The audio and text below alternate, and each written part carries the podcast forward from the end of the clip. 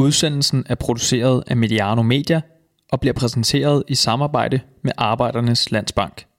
God fornøjelse.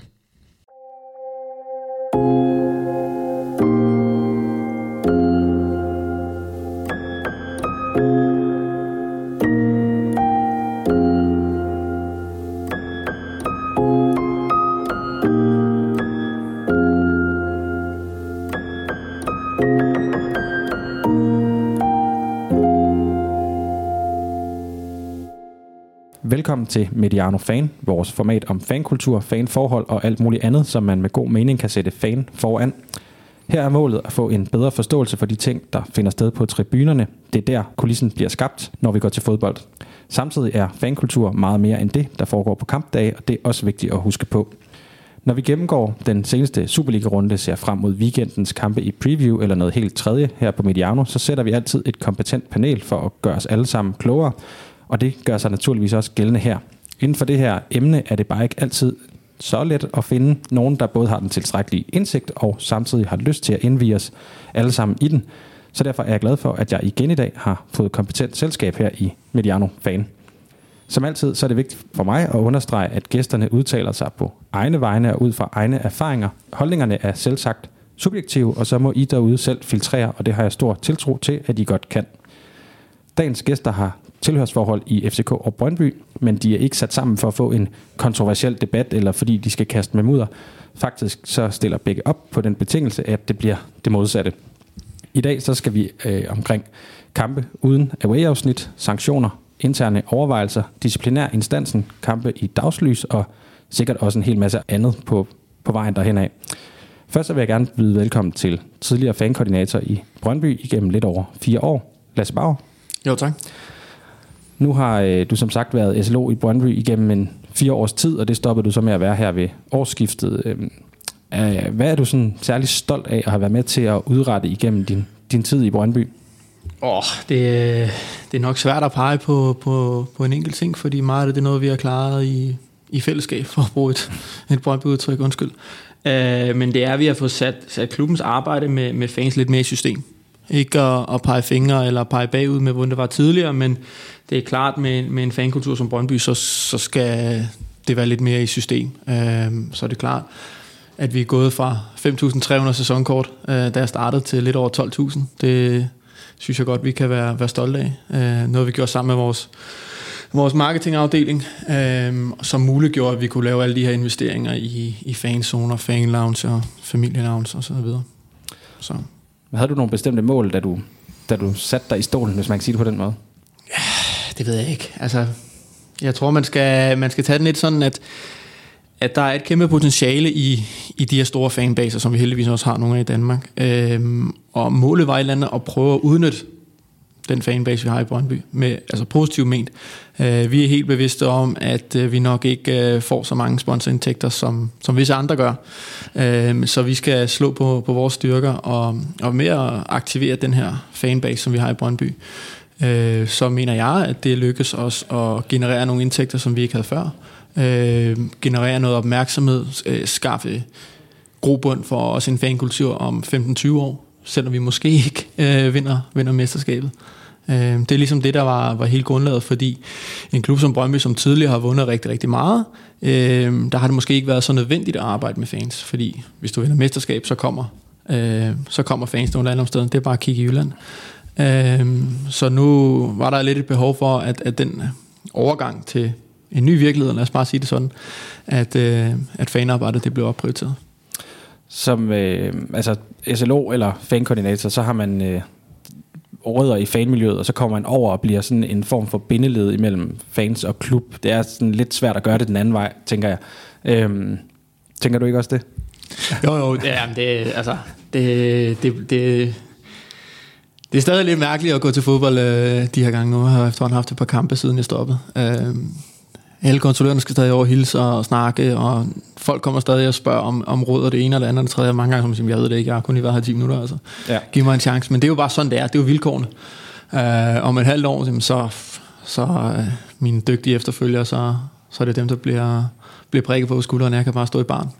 Men øh, har du fået en større forståelse for, det, sådan, for de beslutninger, der bliver truffet, og det arbejde, som så foregår i øh, organisationen Brøndby, fordi du så også er kommet tættere på?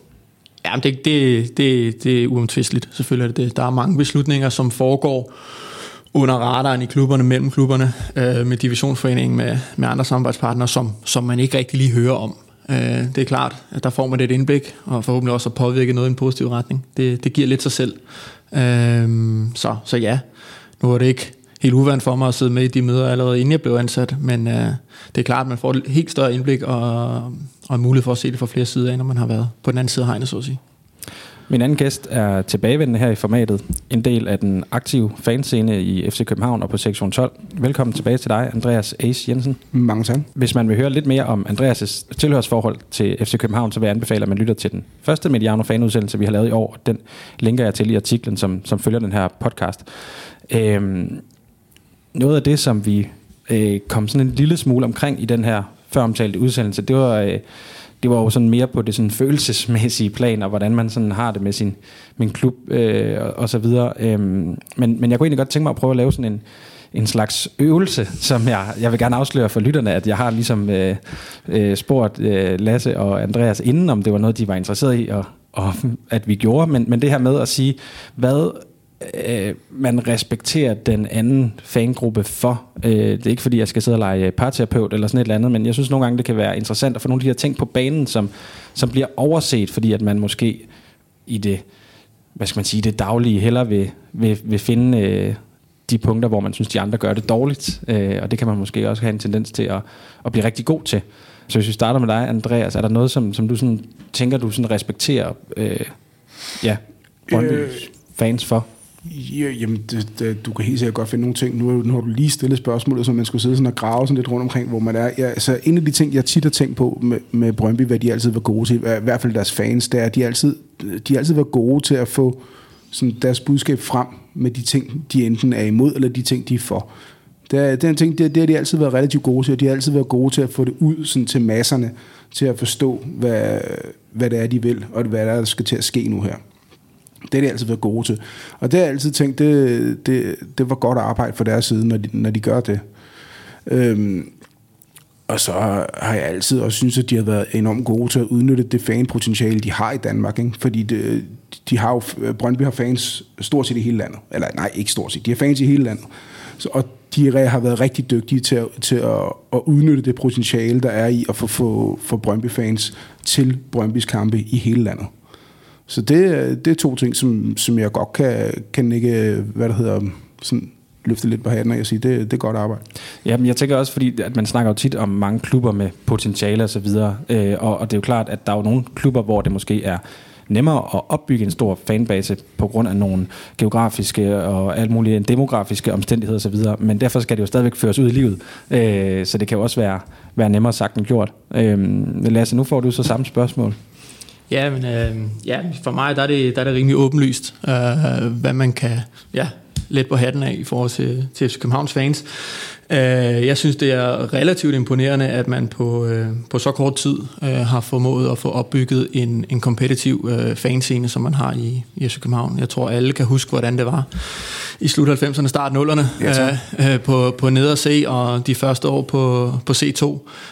det var ikke noget, der aftvang særlig meget respekt 15 km vestpå. Det kan man jo godt være ærlig at, at sige. Men, men sektion 12, da den startede på halvdelen af neder B og siden øh, hele neder B, øh, er vokset helt exceptionelt øh, meget over de sidste år. Øh, og er måske, eller det er det, den eneste tribune, der ligesom kan, kan byde op, øh, når vi gæster øh, andre stadions. Øh, det synes jeg er rigtig, rigtig imponerende. Og så har de også den fordel i og med, øh, at, at de er bygget op helt fra bunden af. Så øh, det er måske lidt nemmere for dem at implementere ting på den tribune, fordi alle ved, dem, der var med til den her, den her tribune, det er ligesom dem, der, der svinger takstokken. Det har vi selv lidt udfordringer med, fordi der er så mange mennesker, der har så mange øh, historiske bånd øh, til sydsiden, at øh, de er, der er sådan lidt, der er sgu ikke nogen, der lige skal, der skal tro, de er noget, og jeg har været her i 25 år, og man kender alle historierne. Så, så det, jeg synes, det er uomtvisteligt, at, at den tribune har formået at blive øh, ja, en af de bedste i landet. Jeg vil selvfølgelig mene, at Brøndby er bedre. Det giver sig selv. Det kan være, Andreas har, har et omvendt. Øh, men så lad os tage den, den lidt bredere pensel. Det er da klart en, øh, en top 5-tribune øh, i Skandinavien, og det er voldsomt imponerende på 10 år, Ja, cirka. ja vi, øh, sektion 12 startede i 2006. Ja, okay, ikke? så lidt over, lidt over 10 år. Og så har der været sådan, du ved, sådan lidt op og ned Ja, ikke? Men ja. øhm, Men det, det, det synes jeg er... Der er nok rigtig mange fra, fra mit bagland, der nok aldrig vil, vil sige det, men i, i det her format, og vi skal være pæne, ordentlige mennesker i Mediano, og måske kan få en lidt mere seriøs diskussion om tingene, så må man også bare løfte på hatten. Øhm, det kræver noget arbejde. Jeg har svært ved at se øh, nogle andre tribuner i landet nå øh, vores to klubbers øh, tribuner lige forløbet. ja, så skulle næsten kun være Aarhus, ikke, hvis de får deres nye stadion, og så alligevel ikke, fordi... Ja, det sgu ikke engang løgn. Ja, und, undskyld Sture, din, øh, din kop er meget pæn, men, men jeg har altså ærligt, jeg har, jeg, så stort et potentiale ser jeg dog ikke. Uh, jeg ser Aarhus som måske landets største fodboldby, uh, men det er måske lidt mere nogle andre parametre, der gør sig gældende, uh, end, end lige det, vi ser herovre. Ja, jeg troede lige, du skulle til at sende en, sådan en indirekte sviner ved at sige, at, at sektion 12 var sådan i top 5 i Danmark. Øh, det, det synes Den jeg også havde reageret, været... den havde jeg også reageret på. Ja, det synes jeg måske også havde været lidt... Oh, ja, øh, men hvis man, frækt. hvis man ligger et eller to, så er man også uh, top 5, jo. det Ja. kan man så roligt. Men, Øhm, ja. Men Lasse, hvis vi lige runder din, sådan, øh, det, det her arbejde som SLO af, øh, sådan, øh, for, for nu, øh, så tænker jeg, at det her med, at, øh, at man jo også kan blive lidt arbejdsskadet, øh, det fornemmer jeg, at du er blevet. Øh, du var til fodbold i Odense i, i søndags. Øh, hvad var det for en oplevelse? Ja, men det, det er jo det, der irriterer mig lidt, det er, at vi har på tværs af klubber og på tværs af, af SLO'er, øh, nogle mere aktive end andre, har ligesom formået at få, sorry, øh, formået at få øh, langt om længe få øh, divisionsforeningen til at vedtage nogle, øh, nogle nye og bedre regler. Vi kender alle sammen os, der har fulgt vores klubber på udebane, hvor, hvor besværligt det nogle gange har været, hvor man næsten var et problem øh, og gæste andre tribuner. Og, og ja, ganske rigtigt i søndags. Øh, der jeg ved sgu ikke, øh, et, et clusterfuck af dimensioner. Øh, det er ellers generelt dygtige mennesker, der sidder i, i, i Odense. Jeg vil gerne sige fra start af, jeg synes, det er en af de klubber, der har været mest medgørlige i forhold til at give os, give os flere pladser. Øh, for dem, der ikke ved det, så er der krav i, i ligaen om, om 5% eller minimum 1000 pladser. I søndags, der mener jeg, at vi fik 2400 pladser, så det er jo, altså, det er jo en gave at have en, en klub, der vil gøre de her ting. Det der så bare er, det er, at der er nogle minimumskrav i forhold til øh, visitation for at ikke øh, være fuldstændig kaos, når vi ankommer. Uh, nu kan jeg se, heldigvis lige inden vi nåede at komme på, så nåede jeg at se uh, Odenses udmelding, hvor de skriver, at de var 16 uh, øh, vagter ved, ved indgangen. Alle 16 vagter var så ikke til visitationen, og der er jo nogle minimumskrav i forhold til, hvor mange der skal være til visitation. Øh, OB var dimensioneret til at være vagter svarende til, mellem- der kom mellem 4 og 800 Brøndby-fans. Uh, det synes jeg er, er relativt dårlig planlægning, øh, især når man ved, hvad mulighederne er i Odense, øh, når man torsdag eftermiddag allerede har solgt 1500. Øh, så, så ja, det har jeg harceleret lidt over. Øh, nu kan jeg se, at de kom med den udmelding nærmest, som vi gik på, så jeg nåede heldigvis lige at skimme den. Øh, det er noget, man skal gøre bedre. Øh, og, og bare lige for at runde den af, selv hvis de ikke vil give os de ekstra pladser, og vi kun har fået de 1000 pladser, så har der stadig ikke været nok kontrollører til at, at visitere os. Så helt grundlæggende øh, er der noget her, som kvæg, at jeg har været i SLO, som jeg ved ikke er i orden, øh, som jeg gerne vil prøve at, at, at forbedre stadigvæk. Ja, og man kan sige, øh, der er jo en klar øh, upside for klubberne ved at få nogle flere i, igennem tælleapparaterne, det er klart, øh, men, men der skal jo selvfølgelig også øh, sættes mandskab af til at tage sig af de ekstra gæster, der så kommer. Jamen selvfølgelig, men hvis du går fra ja, de 1000 til, til 2400, jamen det, så ender vi med at lægge øh, billetindtægter på om, omtrent en, en kvart million, øh, for ikke at snakke om, øh, om mad og drikke. Der skal du bare ringe til nogle jyske klubber, hvor meget der bliver hældt i kæften, når Brøndby-fans kommer, kommer på besøg. Øhm, så så der, er- altså, der vil stadig være en kæmpe upside ved at, at behandle os ordentligt, for så kommer vi igen. Øh, og så er der mange indtægter. Ja. Øh, og så fandt jeg sådan lidt øh, tilfældigvis ud af, at I faktisk har været til kamp sammen her i weekenden også. Det ved jeg ikke, om I ved. Men øh, så vidt jeg kunne se, så har I begge to været i Køge og se fodbold. Jeg var ikke nede at se kampen. Jeg, mi, øh, min søn, han spiller i Køge. Så hvad der hedder, øh, jeg var nede og se ham spille. Okay. Og så gik jeg lige ind, og så var der stadionåbent, gik jeg lige ind og tog lidt billeder og så mig lidt omkring. Og kigget på byggepladsen, som det stadigvæk er dernede jo. Ja. Så, men øh, jeg synes, det, var, det, var, det, det er altid, jeg har sådan en, en ting for stadion, som jeg går ud fra, at mange med fodboldfans, fodboldfans har. Så når jeg ser et stadion, som, hvor der er ved at ske et eller andet, så skal, jeg, så skal jeg lige ind og kigge. Jeg har en familie, som er relativt træt af mig, når vi tager på ferie. Og hvor jeg finder ud af, at der er et stadion i nærheden, fordi så kører vi nok lige en omvej. Ja. Så øh, ja, sådan er det. Der bliver øh, nikket hele vejen rundt om bordet, kan ja. vi godt sige. Udsendelsen her den er bragt i samarbejde med Arbejdernes Landsbank, der er Medianos hovedpartner. De var en del af Mediano Fan, da vi lancerede projektet tilbage i 2017, og de er ligeledes partner her i 2019, hvor vi har revitaliseret vores fokus på fankulturen. Det sætter vi stor pris på, og derfor så er det, eller fordi det er et øh, vigtigt emne øh, at tage op for os. Det skal ikke være nogen hemmelighed, at øh, det, der i første omgang inspirerede mig til at øh, tage fat i jer to, øh, det er en kamp, som venter her om øh, halvanden uge. Det er Brøndby, der skal til Horsens en tur i 26. spillerunde. Det er en kamp, øh, der meget vel kan få afgørende betydning for, øh, om den står på mesterskabsslutspil eller kvalifikationsspil fra runde 27 og frem for begge hold. I kraft af den ballade, som så fulgte i kølvandet på 2-2-kampen i Horsens i maj sidste år, der er Brøndby blevet frataget retten til et øh, away-afsnit til den pågældende kamp. Der er også øh, fulgt en øh, økonomisk straf, og det har Horsens også fået. Øh, det var en kendelse, som, øh, som blev fastslået i, eller af appelinstansen i øh, september, altså fire måneder efter, at kampen havde fundet sted. Øh, først og fremmest, øh, Lasse, hvad tænker du så om, at man har placeret lige netop den her kamp på den sidste dag i grundspillet? Altså, øh... Ja, men altså, jeg skal bare, hvis jeg skal tænke på mig selv, så, øh, så er det da rigtig, rigtig ærgerligt, at jeg ikke kan stå til, til potentielt den kamp, der kan betyde, om, uh, om vi får et, uh, et stille og roligt forår i, i, i bunden af mesterskabsslutspillet, eller vi skal være med sved på panden og, og så videre. Det er jo klart, at jeg vælger jo at tro på, at det har en betydning med, med, med udebanefans på stadion. Øh, så det synes jeg er rigtig, rigtig ærgerligt, øh, at vi ikke er der til den her vigtige kamp. Det er utvivlsomt. Jeg har lidt den grundtanke, at en, en, en fans umiddelbare opgave, det er at, at øge eller mindske de her fordele med, med hjemme udebane. Øh, det er klart, når vi er på hjemmebane, så er vores, vores mål at, at gøre den her hjemme, en hjemmebane så, så stærk som muligt, det vil sige øge hjemmebanefordelen, øh, og omvendt, når vi er på udebane. Og der vil jeg jo tro på, at hvis vi er 1400 i Horsens, så har vores hold en, en, en større chance for at vinde, end hvis vi ikke er der. Det, det, det giver sig selv. Andreas, øh, kan du sætte dig ind i den øh, frustration, som, som Lasse sidder med, også fordi, at man kan sige, øh, øh, en kamp uden tilskuer. Er, er det bare en kamp uden tilskuer? Det, det er jo også, altså, alle kampe betyder jo noget, men når de så ligger på nogle bestemte tidspunkter, så kan det jo godt betyde mere end andre. Ja, selvfølgelig kan jeg, jeg kan godt sætte mig ind i det for et fansynspunkt. Jeg ved ikke, hvordan det er for en, for en spillersynspunkt. Øh, øh, fordi nogle gange, øh, så tror jeg godt, at spillerne også godt kan forvente, at der, eller for, kan fornemme et vis form for pres, som for eksempel, hvis Brøndby fylder en helt lang i Horsens. Det, øh, altså, det må have været en forfærdelig, selvfølgelig være en forfærdelig dag for alle, men det må, det må have ikke været sjovt fra starten af, allerede, øh, hvad der hedder, det de kunne mærke, at det var begyndt at gå lidt imod dem allerede over i Horsens. Det, det, det må være, det, det, må være det, det største skrækscenarie for en spiller, det er at have så mange mennesker, som har lige set dig gøre nogle ting. Øh, hvor man, så, hvor man så hører tit, at de siger, de siger, at de kan blokke det ud, når de spiller, og de siger, at de egentlig ikke lægger mærke til det. Det må være rigtig, rigtig fedt at have alle så mange fans med, når det går godt. Jeg ved, ikke, jeg ved ikke, om jeg nødvendigvis lige er enig. Vi har været ret gode i, i, i Brøndby til at tage de her møder under radaren mellem ledende øh, fans og, og så øh, spillerrådet i Brøndby, hvor vi ligesom prøver at forklare dem, at lige meget hvad, øh, så skal de ikke se det her som en negativ pres. Det er måske noget, man, man ser i formiddagsaviserne, øh, at det, det er hårdt at spille i Brøndby. Øh, nu var jeg jo selv i Horsens, og tak fordi vi skal snakke om den kamp i øvrigt.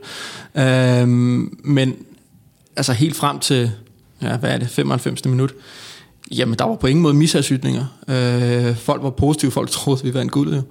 Øh, så ja, ja, jeg kan måske også se situationen, at det kan blive en nedadgående spiral, som vi så i, i 10, 11, 12, hvor vi ved positivt, at der er nogle spillere, der var bange for at spille for Brøndby, selvom det var Brøndby-spillere. Ja, det der, der køber jeg det er præcis det, jeg mener. Men jeg mener bare ikke, at det har været så aktuelt, i hvert fald ikke de sidste to, to og et halvt år, øh, fordi vi har levet lidt på en lysrød sky, øh, selv i Odense i søndags, hvor vi spillede af helveste igen. Jamen, det var først ja, 5-6 minutter efter kamp var fløjt af, at folk begynder at være sådan lidt utilfredse og skynde sig ud. Ikke? Øh, så ja, jo, altså, jeg tror, jeg vælger at tro på, at det er en fordel for Horsens, at vi ikke har øh, 1400 fans næste uge. Øhm, noget andet, man har valgt at gentage, hvis man kan sige det på den måde, det er, at Sønderjyske, de møder Midtjylland, også i runde 26. Altså, det er... Øh, altså, der er naturligvis øh, ikke noget at spekulere i i år, øh, i forhold til det her med, om det kunne betale sig at tabe og så videre. Øh, men for mig at se, så er det sådan lidt løjerlig planlægning. Øh, øh, men det kan der være mange gode grunde til, som, som jeg ikke kender til. Men det der med, at man ligger både øh, den her øh, Brøndby Horsens kamp, som man ved, der vil være noget nogle særlige følelser forbundet med, og så ligger man samtidig også øh, Sønderjyske Midtjylland på, på samme spildag som sidste år. Øhm, men øh, hvis vi forholder os til, til den her øh, dom, øh, som, som Brøndby har fået, øh, og Brøndbys fans, kan man jo sige, øh, helt overordnet. Lasse, hvad, hvad tænker du så om det? Er det, er det fair? Jamen, jeg synes, man skal passe lidt på, når man snakker de her øh, fanstraffe for disciplinærudvalget, fordi det bliver hurtigt sådan, at hvis man øh, går lidt i kødet på de her straffe, så særligt på Twitter bliver det lynhurtigt vendt til, at man ligesom forsvarer, hvad der er sket. Øh, jeg synes, det er rimelig, rimelig tydeligt, at i det øjeblik, at du bryder ind på banen, ligegyldigt hvad intentionen er, ligegyldigt hvilken form for mindset de her fans de har, jamen banen den skal et eller andet sted være fredet. Øh, vi har nogle fodboldspillere, øh, der kommer for at forhåbentlig at vinde. Øh, så jeg kan ikke rigtig se, at vi kan komme udenom, at der skal være en, en form for straf. Øh, fordi det er ikke noget, man som, som fodboldverden kan, kan acceptere, øh, uanset om man mener, at øh, fansene var troende eller ej. Det er der jo lidt blandede holdninger ikke? Det ser voldsomt ud i tv, men nu stod jeg selv nede på banen og kræfter mit arbejde. Øh, det var ikke lige helt det billede, jeg kunne, kunne genkende dernede. Øh, så så jeg, jeg kan ikke se, i hvert fald ikke under de nuværende disciplinære regler, som jeg håber, vi kommer til at snakke om lige om lidt, øh, at det kunne være anderledes, end at vi skulle have undskyld, en, øh, en kamp uden tilskuer øh, på udebane. Øh, det, det, det indrømmer jeg da gerne. Øh, jeg så nogle ting, som man heller ikke så i tv, øh, som man også har set på diverse overvågningsbilleder, når man har skulle, skulle snakke om den her sag. Øh, så ja, jeg, jeg, har svært, jeg har svært ved at tale imod den strafbrønd, vi har fået, lad mig sige det sådan.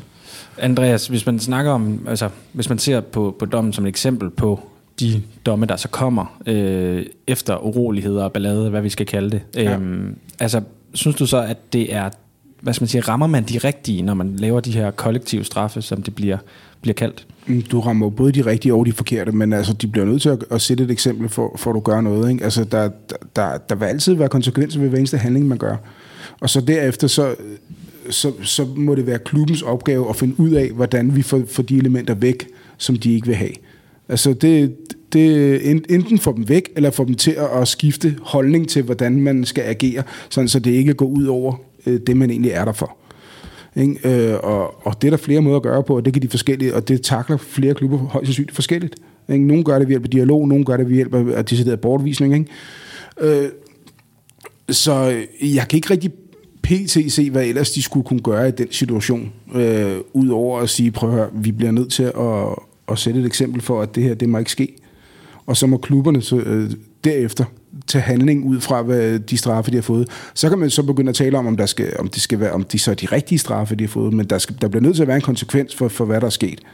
Altså, og, og den konsekvens er, som det ser ud lige pt., det er, at man mister retten til at, til at være på det udvalgte afsnit. Jeg er, på, ja, jeg er på ingen måde uenig, og det var også bare lige for at følge op, at hvis man kigger på, på historikken for disciplinærudvalget, så er det måske lige i forhold til det her med, med udebaneafsnit, det er måske det eneste sted, hvor der rent faktisk er en linje i disciplinærudvalget. For hvis man kigger på, på Brøndbys, øh, jeg mener det var semifinalkamp i parken, med, øh, hvor man fik en betinget straf, og FCK startede hos os, jamen så var der ikke andet, end at Brøndby skulle have en, øh, en kamp uden tilskuer. Så kan man diskutere, om det skulle være to eller tre. Det, det er så, hvad det er. Men hvis man kigger på historikken for disciplinærudvalget, hvordan de har håndteret de her episoder, så var der ikke anden mulighed for, at en Brøndby skulle have en kamp uden tilskuer. Det, det er faktisk et af de steder, hvor de har været sådan rimelig konsekvente. Ja, og det er jo en, det er jo en kompleks størrelse også at have med at gøre, tænker jeg, i, i forhold til, hvordan man så straffer, fordi det bliver jo også, altså Horsens har jo så også ytret, de synes jo også, det er en straf til dem, fordi de så økonomisk går glip af, af den indtægt. Ja, det, undskyld, det, synes, det, det argument har jeg altid synes var lidt, lidt noget vås, fordi det, den, har, den diskussion har aldrig været der, hvis det havde været 50 FC Nordsjælland fans, der var dukket op. Altså straffen skal være det samme. Det må være handlingen, der definerer straffen, og ikke om du er 50 fans, eller du er 5.000, som vi var. Det er selvfølgelig synd for Horsens, fordi jeg tror, alle SLO'er, alle fanengagerede mennesker øh, vil drømme om den behandling, vi fik fra AC Horsens, der vi var derovre. Altså måden, vi blev mødt på med deres SLO, deres sikkerhedschef, deres direktør, jamen det var jo en drøm. Vi kunne få lov til at indrette det stadion nærmest, som var det Brøndby Stadion. Så jeg tror i hele det her spil, øh, mine medfans, der ikke kan komme, og mig selv, der ikke kan komme ind næste søndag, øh, Horsens, der måske øh, mister nogle indtægter, øh, så er det måske dem, jeg har det allerdårligst med. Det er de her tre mennesker, der ligesom var, var, var det ypperste i forhold til, hvad man kan drømme om som SLO. At de gjorde så meget for os, og så ender det øh, med at ramme dem bag. Det, det er måske det, jeg har det, der, jeg har det sværest ved. Fordi det var virkelig imponerende. Altså, vi må tage alle i kabeltårn, vi må tage højtaleranlæg, vi må mm. komme ind nærmest dagen før, hvis vi ville. Altså, vi stod 100% for det, vi kunne gøre lige, hvad vi ville. Um, at de så bliver ramt, det er måske det, jeg har det sværest ved hele den her situation. Jeg personligt er selvfølgelig ærgerlig over, at jeg ikke kan komme ind næste uge. Um, men, men lige de her tre mennesker, dem har jeg lidt, dem har jeg sgu nok lidt svært ved, fordi de har også skulle tage nogle kampe internt, både med deres egne fans og i deres organisation om, hvorfor fanden Brøndby skulle have så meget øh, råderum øh, over deres stadion og flytte deres sæsonkortholder osv. Det er måske mest dem, jeg har det, har det, har, har det svært med. Ja, og du kan sætte dig ind i, hvad det er, det havde hvis det skulle have været omvendt. Altså. Ja, altså. Men, men øh, har du sådan en, øh, har du en fornemmelse af, holder det så folk fra at tage til Horsens? Fordi det er jo også noget af det, som, som de er lidt nervøse for, derovre på de kanter, øh, ja, det også politiet. Jamen det forstår jeg godt, og det er måske også det, det spørgsmål, jeg havde frygtet mest, du vil stille i dag. Fordi øh, der er 250.000 Brømme-fans. Um, jeg kan ikke svare, hvad alle 250.000 gør. Der er samtidig er der, øh, der er storskærmsvisning i, i Brøndby's nye fanzone, og der er valg øh, det første valg til vores nye øh, fanforening i Brøndbyens IF, hvor den nye bestyrelse øh, og vores øh, bestyrelsesrepræsentant i AS' bestyrelse øh, skal skal vælges. Så jeg håber selvfølgelig, at folk kommer derud, øh, fordi der skal, der skal stemmes, og der er rimelig mange kandidater, så der er ikke bare givet på forhånd. Så jeg håber selvfølgelig, at folk kommer derud, fordi jeg har også en idealistisk øh, tankegang til, at, at, at hvis den her fanforening skal have, skal have sin berettigelse, så skal der også stå rigtig mange op, og der skal være rigtig mange medlemmer, og der skal være det her, den her folkelige, eller Brøndby-folkelige opbakning til, til vores nye fanforening. Og den ligger jo samtidig med, at folk er ellers skulle have været i Horsens. Øh, Andreas, øh, I prøvede jo noget lignende, øh, da I ikke øh, var velkomne i, øh, i Odense. Øh, altså ikke på grund af OB, øh, men altså I blev frataget retten til et afsnit i, i efteråret 17. Ja. Øh, og også på Brøndby Stadion i april sidste år. Øh, Altså, hvilke reaktioner affødte det? Altså, det er også for at sige, det, det, det er flere gange, det er sket. Altså, hvad for nogle reaktioner har det affødt i, øh, i det, som du sådan har fornemmet, øh, når de her domme så er blevet, øh, blevet afsagt, og de bliver ofte anket, og så bliver de stadfæstet, øh, og, så, øh, og så ligger det ligesom fast, altså, at man ikke kan komme ind på stadion øh, og støtte. Fordi, altså, ja, vi kan jo alle sammen bare købe en billet til et neutralt afsnit, men det er jo ikke det samme det, den, er, den er blevet modtaget blandet. Ikke? Der er nogen, der, der er blevet vrede over dem, ikke? Øh, og så er der, er der også nogen, der har haft en, øh, hvad fanden har I regnet med, agtig holdning, sådan, faktisk mod, sådan, uh, henvendt mod ens medfans, til, til dem, som er blevet irriteret over, at der blev, der vil komme en straf. Så øh, de er blevet blandet modtaget sådan, i, i og for sig, og det er også derfor, jeg, altså, nu ved jeg, Lasse, han så håber, der kommer mange ud i Brøndby. Jeg kunne sagtens forestille mig, at der var masser, der tog, der tog til Horsens og så den på pop. Men, altså, det, det er jeg ret sikker på, hvis vi var i samme situation, og det var en så vigtig kamp, jamen, så stod jeg i Horsens. Det, det er jeg faktisk 100 på, jeg vil. Øh, og så, altså, vi prøvede det også, da vi havde vores, øh, vores lille kamp mod, da vi fik vores eget away også. Der var vi netop også i Horsens, og vi endte i svømmehallen. Ikke? som var lige ved siden af stadion. Ikke? Og hvad det hedder... Øh, så, så det, det bliver meget blandet modtaget. Det, det selvfølgelig øh, er der, der, der, der, der er en, en respekt sådan alligevel over for, for de domme. Især når det ikke... Øh, med Wakehordet, der prøvede man stadig at lave lidt sjov, se hvordan man, kan man komme ind på lange siden og se kampen og gøre man nogle ting og sådan noget. Ikke? Men øh, hvis det er en straf, du decideret har fået, så, er der også, øh, så har du også som fan en forpligtelse over for din klub, og at du ikke ødelægger mere for den klub. Altså, du, du kan sagtens tage det sted hen, hvor klubben nu spiller og sådan noget der, ikke? men hvis du ødelægger mere for klubben, så er det, så er det jo bare... Altså, så er det dårligt oven på dårligt, ikke? Altså, det, det er ja, der ikke nogen, det, det, det er også det, nogle gange skal man også bare tænke over, hvilke kampe man vælger at kæmpe. Ja, præcis. Uh, Brøndby står i en lortesituation. Alle, altså, hvis der dukker... Hvis der dukker uh, Brøndby-fans op, uh, og der skulle ske et eller andet. Et er, at man sidder ned og kigger og ser kampen. Det er så, hvad det er. Uh, og der sker noget, så kan man lynhurtigt får, får, får vist de her billeder, og så er det bare dobbelt op på, på møjsag for klubben. Så nogle gange skal man også lige, lige tænke det skridt videre, i forhold til, er det nu smart at tage den her principielle kamp, og jeg må godt dukke op på, på Horsens Stadion i, uh, i neutralt tøj. Uh, der skal man nogle gange lige, man skal lige vælge sin kamp med omhu. Uh, det, det er klart. Ja, fordi jeg tænker, det der, og det er jo det, der er med de her kollektive straffe, det er, at, at en ting det er, at man måske selv føler, at man har en ret til et eller andet, øh, og man tænker, at jeg har lavet jo aldrig noget ballade i, i forbindelse med de her de ting, men man risikerer jo så, at der kommer en, en følgestraf. Øh, altså, øh, men, men jeg synes jo, det er interessant også at, at se lidt på det her med den eventuelle selvjustits, der så er i miljøet, fordi hvordan, altså, hvordan takler man så det fremadrettet, fordi at det er jo klart, at, at de her, det er jo nogle af de, sådan, tænker jeg, nogle af de værste ting, som, som fansene kan blive ramt af. Det er jo noget andet, når der kommer en økonomisk straf til klubben. Det er meget, meget lidt håndgribeligt, øh, sådan fra kampdag til kampdag, men det er meget håndgribeligt, når man ikke kan komme ind. Mm. Øhm, altså Andreas, hvordan, hvordan tænker du, eller hvordan bliver det sådan håndteret øh, i forhold til, at, at er der nogen, som, som man tager fat i, eller, eller hvordan? Det, jeg tror også, det man skal vide, det er, når, tit når der sker episoder, øh, hvilket det, vi er heldige, så har været, der ikke har været så mange af i Danmark, men tit når der sker episoder, så er det godt nok sjældent, at det er noget, der er planlagt fra starten af, hvor vi siger, øh, eller vi siger, hvor, hvor fansene generelt siger, i, i dag skal vi ud og lave noget. Jeg kan faktisk ikke mindes en episode, jeg kan huske, hvor der er planlagt noget decideret, hvor der skal ske noget.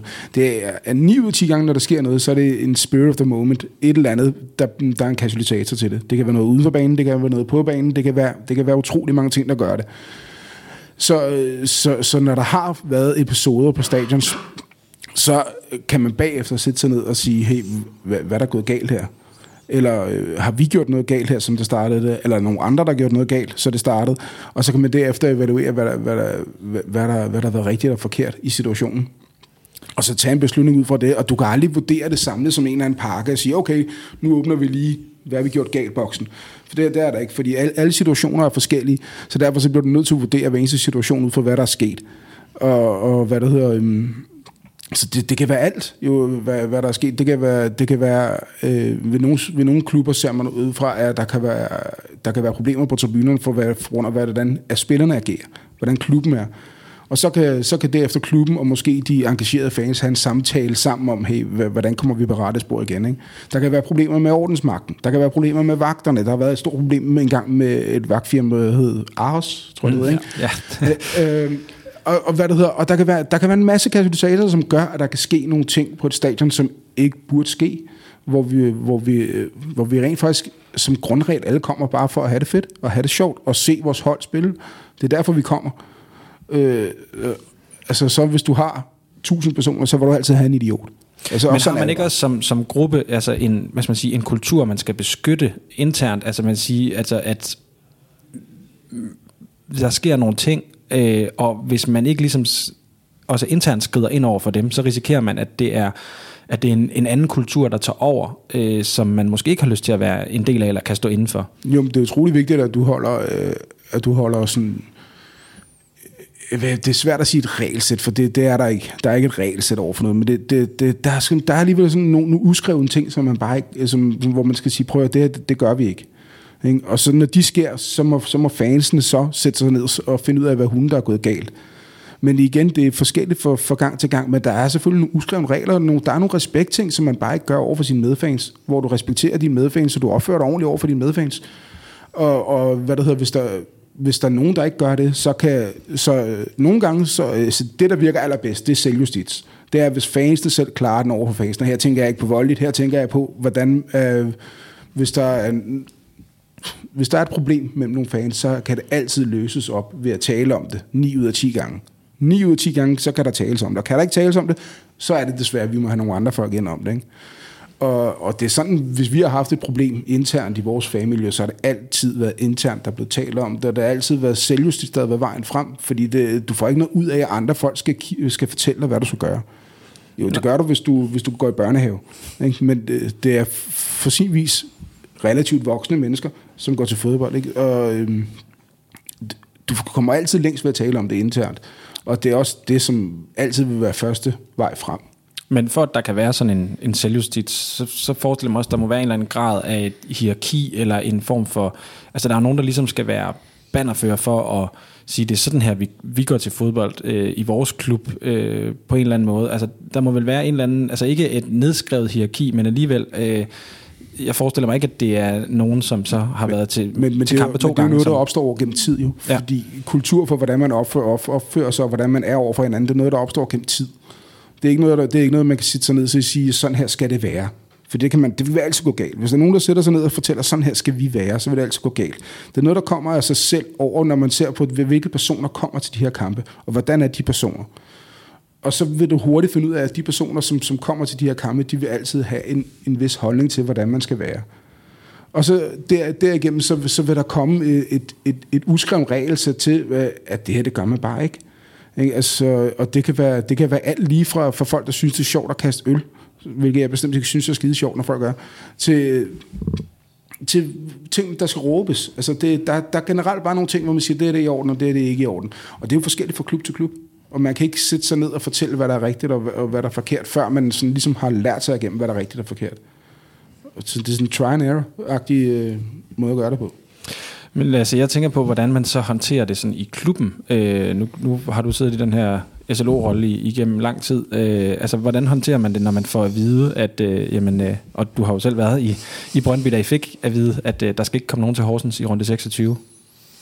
Jamen, jeg tror, at jeg vil lægge, øh, lægge lidt i slidstrøm med det, Andreas sagde lige før, fordi at øh, Horsens-sagen, lad os bare kalde den det, det øh, er lidt en unik sag. Jeg tror, alle er bevidste om, at, at den her kamp og den reaktion, der var bagefter, for det første var den ikke planlagt. Alle havde regnet med, at vi skulle feste øh, fredag og tage, tage et tidligt morgentog hjem. Øh, så jeg tror, folk er, er rimelig klar over, at, at det her, det var en, ja, det lyder lidt forkert at sige, men enkeltstående til episode, fordi det er jo ikke fordi, at næste gang vi kommer i Horsen, så løber der 100 mand på banen, eller, eller det slige. Det var simpelthen en, en, en reaktion på, på en drøm, der røg ud mellem hænderne på, på mennesker, og så folk reagerede forskelligt. Nogle forkert, og nogle satte sig ned og græd, og nogle løb hjem, og ja, alt muligt. Ikke? Mm. Uh, så jeg tror, folk var ret bevidste om, at det her, det var ikke uh, en del af, af en, en, en glidebane for, at det var den her vej, uh, vores, vores fans den, uh, begyndte at gå. Uh, hvis det havde været tilfældet, så havde klubben også reageret på en anden måde.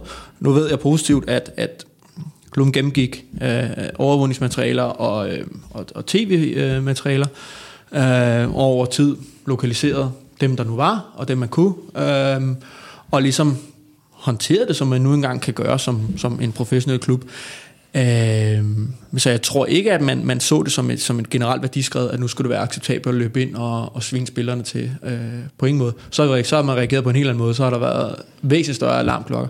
Det er fuldstændig uacceptabelt, at folk løber på banen, det sagde jeg også tidligere. Men jeg tror, man skal passe på med at se det som en tendens. Og det var, det var man heldigvis ret bevidst om. Jeg tror, øh, noget af det, vi, vi er rigtig glade for i Brøndby, det er, at der er forholdsvis kort vej fra, fra toppen af klubben øh, øh, direktionen i den forstand, øh, og til de her fans, hvor der foregår rigtig mange møder på forskellige niveauer. Så man er rimelig bevidst om, om bevægelser i, i, i Brøndbys fankultur. Men hvordan, jeg tænker også sådan i forhold til at kigge frem imod øh, altså planlægningen af, øh, så skal man jo så selvfølgelig ikke til at arrangere et, et, øh, et away-afsnit og så videre, men alligevel så sige, okay, den der kamp, der skal vi have noget fokus på hvad? Altså kan I gøre noget som helst? Det er svært at sige. Nu har jeg jo ikke været der øh, siden. De, vi snakkede ikke om Horsens kamp i efteråret, det må jeg være lige at sige, men, men, men klubben har jo prøvet at sidde på den anden side i forhold til, hvad, man skal, hvad skal man være opmærksom på, hvad skal man ikke være opmærksom på. Og det, det er jeg sikker på, at, at de to klubber nok selv skal, skal håndtere i forhold til, hvad man skal være opmærksom på, og hvad man ligesom skal, skal sige, når ja. Altså hvis der kommer en, en familie med Brøndby-fans, øh, som ikke er til scene, så tror jeg, at man ser gennem fingeren med det, men hvis man fornys om, eller tror, der kommer en, en organiseret tur, der kunne finde på at tage på stadion, så agerer man selvfølgelig på en anden måde. Det giver sig selv, fordi klubben har en overordnet interesse, det er at få håndteret den her disciplinærstraf, øh, og få lagt den her, ja, helt klubben vil jo gerne lægge, men lægge hele dagen mm. bag os, øh, selvfølgelig. Fordi man har ingen interesse i, at, at de her billeder, den her sag, bliver ved med at lægge på, øh, på ingen måde. Men er det også, øh, Andreas, det er jo ikke fordi, du så skal, skal svare for, for nogens vegne i forhold til øh, hverken for Brøndby eller FCK øh, ballade, der har været. Men jeg tænker, det, jeg synes, der er sådan lidt, og det kan godt være, at det er, det er forkert, men at der er lidt et mønster i, at der kan være en, en rolig periode, og så kommer der ligesom nogle, nogle, nogle perioder, hvor det blusser lidt mere op. Øh, Ja, det, jeg, jeg har tænkt på også selv, om, om, om der er sådan en, en decideret ting med, hvor man siger, nu har vi slappet af længe nok, men det tror jeg egentlig ikke, der er. Fordi det, alle de gange, der har været problemer, og alle, nu siger jeg alle de gange, fordi nu, det ikke, nu skal det lyde voldsomt, det er jo slet ikke særlig voldsomt. Altså, så mange gange har der sgu ikke været problemer med vores afsnit. Men, hvad der hedder, men, men de gange, hvor der har været problemer, så har det været, altså, det har været ud af tilfældigheder, der har startet et problem. Og der har ikke været, der har ikke været sådan decideret med, at okay, nu er jeg selvfølgelig så ikke lige en del af, af, af, af lige præcis den scene, som, som lavede det. Men hvad der hedder, um, men der har ikke været, en, været, været planlagt, at i dag skal vi gøre dit og dat. Altså, det, det, det, det gør man sgu ikke. Altså det, det tror jeg ikke på, at rent faktisk, der, det, der er nogen, der decideret gør det. Altså, øh, det, det, gjorde man, det gjorde folk i, i 80'erne, det gjorde de i 90'erne. Jeg tror simpelthen, at konsekvensen er for stor til, at der skal, hvis folk planlægger, at der skal gøre noget i dag, fordi de ved, at, at det, der kan ramme dem, det er så voldsomt. Øh, så planlagt... Men det, der kan ramme dem, tænker du så, at det er i forhold til altså, det her med at spille uden fans, eller så videre, så videre men, det, eller, men, men kan det også være internt? Det er ikke fordi, at jeg sådan fisker efter, at der sådan er repræs, repræsalier på den måde, men jeg tænker, at man bliver jo ikke sådan specielt populær, går ud fra, Altså hvis man tydeligvis har været øh, impliceret i, at, at klubben bliver dømt til at spille uden fans? Jo, selvfølgelig kan der godt komme nogle interne holdninger til folk, altså hvad, hvad folk siger om det, men, men decideret at, at, at lege politi over for andre folk, og hvad de skal og hvad de ikke skal, det er der ikke rigtig så mange at gøre. Altså det vigtigste er, det er at du prøver at, at sørge for, at der er en, en forståelse blandt alle fans om, hvordan vi opfører os over for hinanden. Og hvis der er nogen, der træder ud over den, så, så skal den jo løses på en eller anden måde. Ikke? Og det kan enten være klubben skal ind over, eller det kan også være, at fansene kan løse den selv. Øhm, så det, det er forskelligt for, for episode til episode. Ikke?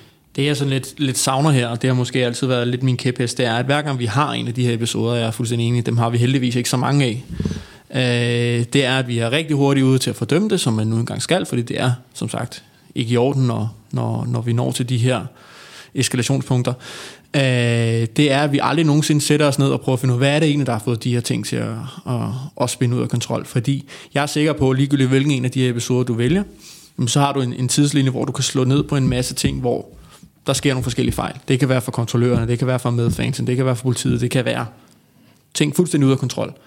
Problemet er bare, at vi sætter os aldrig ned og undersøger, hvad der går galt. Øh, så det er avisoverskrifter et par dage efter, øh, og så kommer der en disciplinær straf og så sætter man sig ikke ned bagefter og tænker, okay, hvad, hvad kunne vi have gjort anderledes? Hvem, hvem sætter sig ikke ned? Øh, altså. Klubberne, divisionsforeningen, øh, eksterne eksperter, politiet. Det er meget, meget få evalueringsmøder, der, der reelt set har været. Nu har jeg jo selv siddet på den anden side. Det er meget, meget få, der er. Øh, der er rigtig mange planlægningsmøder. Øh, jeg tror i min tid, der har været til to evalueringsmøder bagefter, det er begge to efter kampe, hvor der ikke har været problemer. Øh, og det, det, det kunne måske være, at man kunne lære noget, hvis man tager sig ned og prøver at analysere, hvad der gik af. Fordi mange gange, så skyldes det øh, små ting, som man kunne have for, øh, forberedt inden, og andre gange så sker det ja, nærmest ud af det blå. Men hvis man nu satte sig ned og prøver at undersøge, hvad er det, der går galt, så kunne det være, at man kunne blive bedre til at afvikle fodboldkampene. Hvad tænker du om den måde, som disciplinærinstansen straffer på? Øh, du har selv været inde på, at det, det her med øh, at fratage et away-afsnit, at der ligger faktisk sådan en, en nogenlunde klar linje, men, men øh, kan du følge den kritik, der har været af, at øh, det virker for inkonsekvent i nogle tilfælde, også for langsomt. Ja, det, det er jo tvivlsomt. Jeg tror, at hvis man tager disciplinærudvalget som helhed, jamen, så er det svært at finde en linje. Jeg tror, du har, når der er en sag, så er det nemmere at, at, at flippe en mønt, øh, og så finde ud af, hvad straffen bliver, og ikke øh, i forhold til en linje eller en konsekvent, man er vant til. Og det synes jeg er sådan lidt svært at tage, tage udvalget sådan helt alvorligt, når der ikke er en, en konsekvent linje. Øh, man kan se episoder, hvor øh, man i Brøndby har brændt 100 romerlys af, Øh, det bliver straffet mildere end, øh, ja, vi havde en, en sag sidste efter, hvor der blev tændt et lys i 93 minutter. Det var 35.000 i bøde. Altså det, det er lidt svært at finde en, en linje, men hvis vi endelig skal snakke disciplinær og disciplinær straffe, så så jeg hellere, at man løftede den lidt op og prøvede at snakke med det her med, med objektiv udbaneansvar. Øh, det, er, det er et eller andet sted, øh, det er et generelt et problem, at udbaneafsnittene, som, som øh, udholdet slet ikke nogen kontrol har over, man sætter op til otte kontrollører med, men primært som spotter, de må ikke have en aktiv øh, funktion, det siger reglerne. Øhm, og 8 er jo ikke så mange, hvis der er 2300 for eksempel. Nej, nej, men så skal hjemmeholdet selv have nogle øh, vagter ved siden af. Ja, men, men, jo... men de er jo primært med som observatører. I Brøndby der har vi fire dialogkontrollører, og så har vi fire spotter med fast hver gang, eksempelvis. Øh, men de er der jo reelt set kun for at assistere. Det er ikke dem, der har en primær rolle. Så reelt set, så kan hjemmeholdet være lidt ligeglad, øh, fordi det alligevel er Brøndby, der får straffen, eller FCK. Eller FCK. Det så vi for eksempel her i Odense, hvor de sidste tusind mand stort set ikke blev visiteret. Der var en dåsebajer, øh, der kom med ind, øh, som også blev kastet på banen.